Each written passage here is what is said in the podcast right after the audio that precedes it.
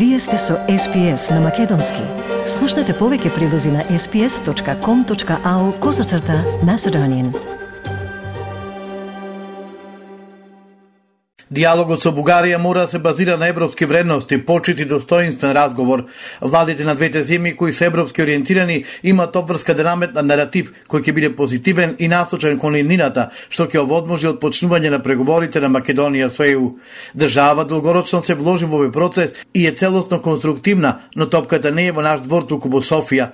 Овој процес ќе зависи и од тоа дали ЕУ ќе преземе стратешко лидерство по ова прашање, изјави премиерот Димитар Ковачевски. Говорејќи за патот кон ЕУ, премиерот Ковачевски на форумот по 100 дена од мандатот на неговата влада рече дека како држава во изминатите 30 години имаме направено многу и си имаме откажано многу, се со цел да ги исполниме критериумите за членство во ЕУ, што го потврдуваат четирите позитивни извештаи на Европската комисија за државата. Цитирам, Значајна е поддршката што постојано добиваме од Германија, Франција, САД и сите земји членки на ЕУ, но членството зависи од консензус. За жал ние имаме предизвик со соседна држава заради ветото кое минатата бугарска влада го стави на почнувањето на првата меѓувладина конференција за Македонија, изјави Ковачевски. Македонските граѓани одамна заслужија почеток да преговори со Европската Унија. Тоа е нешто што Македонија го заслужува. За жал блокадата од Бугарија стои едно непринципиелно вето и вето кое ги подкопува темелите на македонската држава, македонскиот национален идентитет и македонскиот јазик, изјави подпредседател на ВМРО ДПМН Александар Николовски. Николовски истакна дека Европската унија треба да изврши силен притисок врз Бугарија со цел во јуни да се тргне ветото и Македонија конечно да добие датум за почеток на преговори. Тој потенцираше дека многу сериозно треба да се разговара за 14 неспроведени пресуди од страна на Бугарија, кои ги донесе Европскиот суд за човекови права од Страсбур, а кои се однесува на македонското малцинство во Бугарија. Александар Николовски ја коментираше и понудата на ВМРО ДПМН до СДСМ за предвремени парламентарни избори. Доколку Димитар Ковачевски не е тој кој што ги носи одлуките во СДСМ, и доколку не може да донесе одлука во СДСМ, спремни сме разговараме во СДСМ со секој еден кој што тие ќе го посочат дека носи одлуки.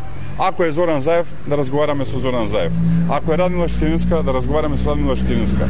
Кој носи одлуки во СДСМ, со него да седнеме да поразговараме, затоа што потребно е Македонија да излезе од оваа економска и политичка криза преку предвремени парламентарни избори и преку решавање на овие четири горливи проблеми со кои што се соочува Македонија се различно од ова, значи само голо останување на власт. Експертизата на ВМРО ДПМН е си криминалот и корупцијата возврати од СДСМ. Тоа е потврдено со бројни судски пресуди, како што се предметите Титаник, Тенк, Тврдина, Таргет, Плацови на Вонно, каде што се изречени правосилни затворски казни за голем број функционери од ВМРО ДПМН, возвратија од СДСМ и додаваат. Таму пред судовите треба раководството на ВМРО ДПМН да дава своја експертиза. ВМРО ДПМН продолжува со своето деструктивно однесување, Мицковски ја покажува својата немојка и безидејност. Избори ќе има во 2024 година и тоа е затворено прашање, велат преку сообштение од СДСМ. Американската конгресменка Клаудија Тени вели дека размислува да формира коалиција на Капитол Хил, што би работела на можни санкции против Бугарија, бидејќи не го трга ветото за почеток на пристапни преговори на Македонија со Европската Унија. Во интервју за Гласот на Америка, таа рече дека се покажало од и официјалното писмо што група конгресмени го испратиле до бугарскиот амбасадор во Вашингтон не функционирало, како и дека целта на ваквата коалиција со членови од представничкиот дом и Сенатот би била да ја поттикнат Бугарија на диалог. Во вторник ќе се промовира формирањето на нов клуб за бугарско-македонско пријателство, како и повелба за неговите цели и задачи. Информацијата до медиумите лиферува Атана Шарков и историчарот Стефан Дечев од Бугарија. Во информацијата уште се наведуваат и основачите од македонска и од бугарска страна. Меѓу основачите на клубот од бугарска страна се писателите Алек Попов и Шавдар Ценов, универзитетските професори Александар Чосев, Ивајло Дичев и Маја Грекова, новинарите Бојко Станкушев, Иво Беров, тенисерката Мануела Малеева, режисерот Јавор Грдев, советникот на председател Желју Желев за етнички прашања Михаил Иванов, а од македонска страна филозофката Катерина Колозова, политикологот Љупчо Петковски, новинар новинарите Маријан Николовски и Столе Наумов, историчарот Драган Зајковски, поранешните македонски премиери Лјупчо Георгиевски и Владо Бучковски. Тан во одбор за граѓанска иницијатива во чиј фокус нема да бидат теми што се однесуваат на ветото, иако сме сите против него, вели во изјавата за нова филозофката Катерина Колозова, ниту конфликтните моменти како историја, јазик или да даваме некои препораки околу тоа. Ова е замислено да биде како платформа на добра волја, за да се надминат ксенофобијата и предрасудите, каде ќе се комуницира интелектуално и културно, платформа преку која ќе се надмине таа параноја која имаме во меѓуобштествената клима, изјави Колозова за Нова ТВ. 53.201 државјани на Македонија, освен македонско, има и некое друго државјанство. Ова го покажа пописот проведен во септември минатата година, а кои податоти ги објави Државниот завод за статистика. Најбрено второ државјанство во земјава е бугарското од резидентното население во земјава на пописот со второ државјанство според етничката припадност најбрани се македонците, односно 31.300 пријавиле дека има втора татковина, додека второ државјанство освен македонското има над 8500 албанци, над 5700 срби и 1500 турци.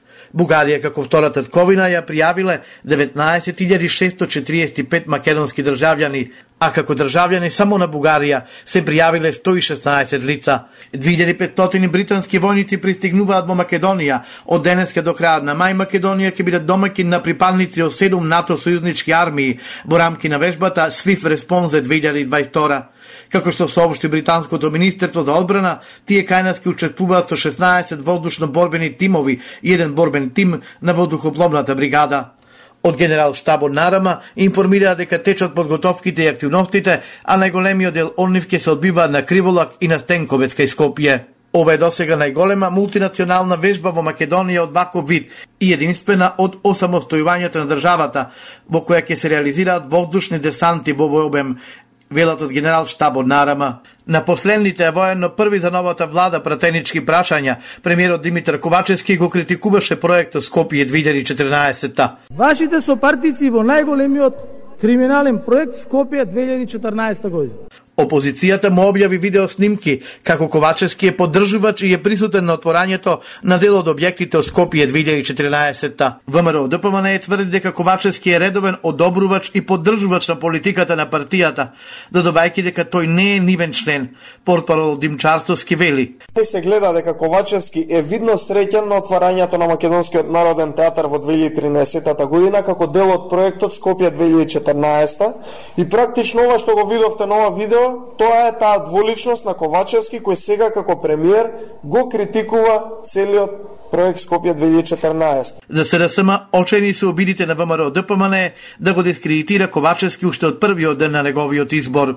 Тоа што Ковачевски како директор во Македонски Телеком АД бил поканет и присутствувал на отворањето на објектот на МНТ нема ама баш никаква врска со криминалот на ВМРО ДПМН.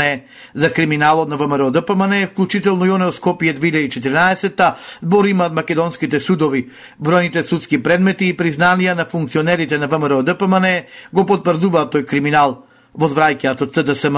Трите најголеми верски зедници во земјава, Македонската православна црква, Исламската верска зедница и Македонската католичка црква, во повеќе верски објекти вчера одржа обреди посветени на мир во Украина и светот. За мир во целиот свет, за благосостојба на светите Божи цркви, за нивно соединување.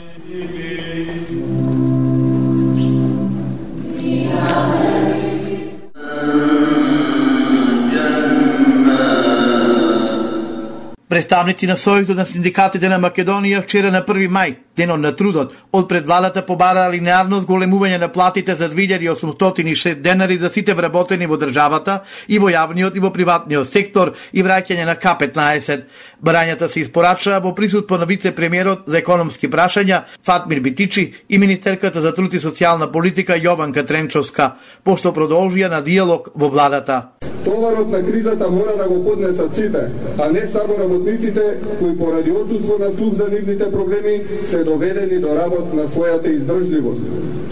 Така повеќе нема да може. Ви оставивме премногу време, а сериозен ангажман од ваша страна нема. Работникот ја го користи тој бенефит од мара.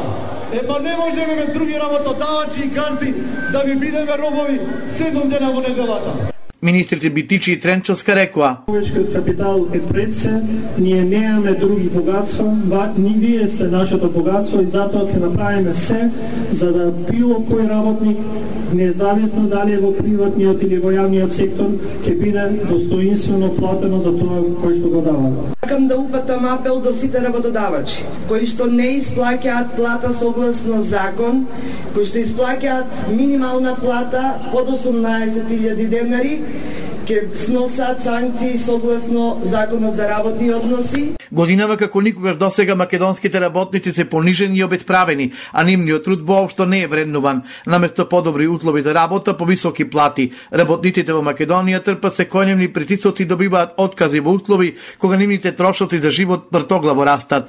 Животот кој им се ветуваше се претвори во беда и безнадежно секојдневие, мислејќи како до крајот на месецот да заврзат крај со крај. Се наведува во честитката на лидерот на ВМРО ДПМН Христијан Митковски за Меѓународниот ден на трудот 1 мај. Сакате ли да чуете повеќе прилози како овој?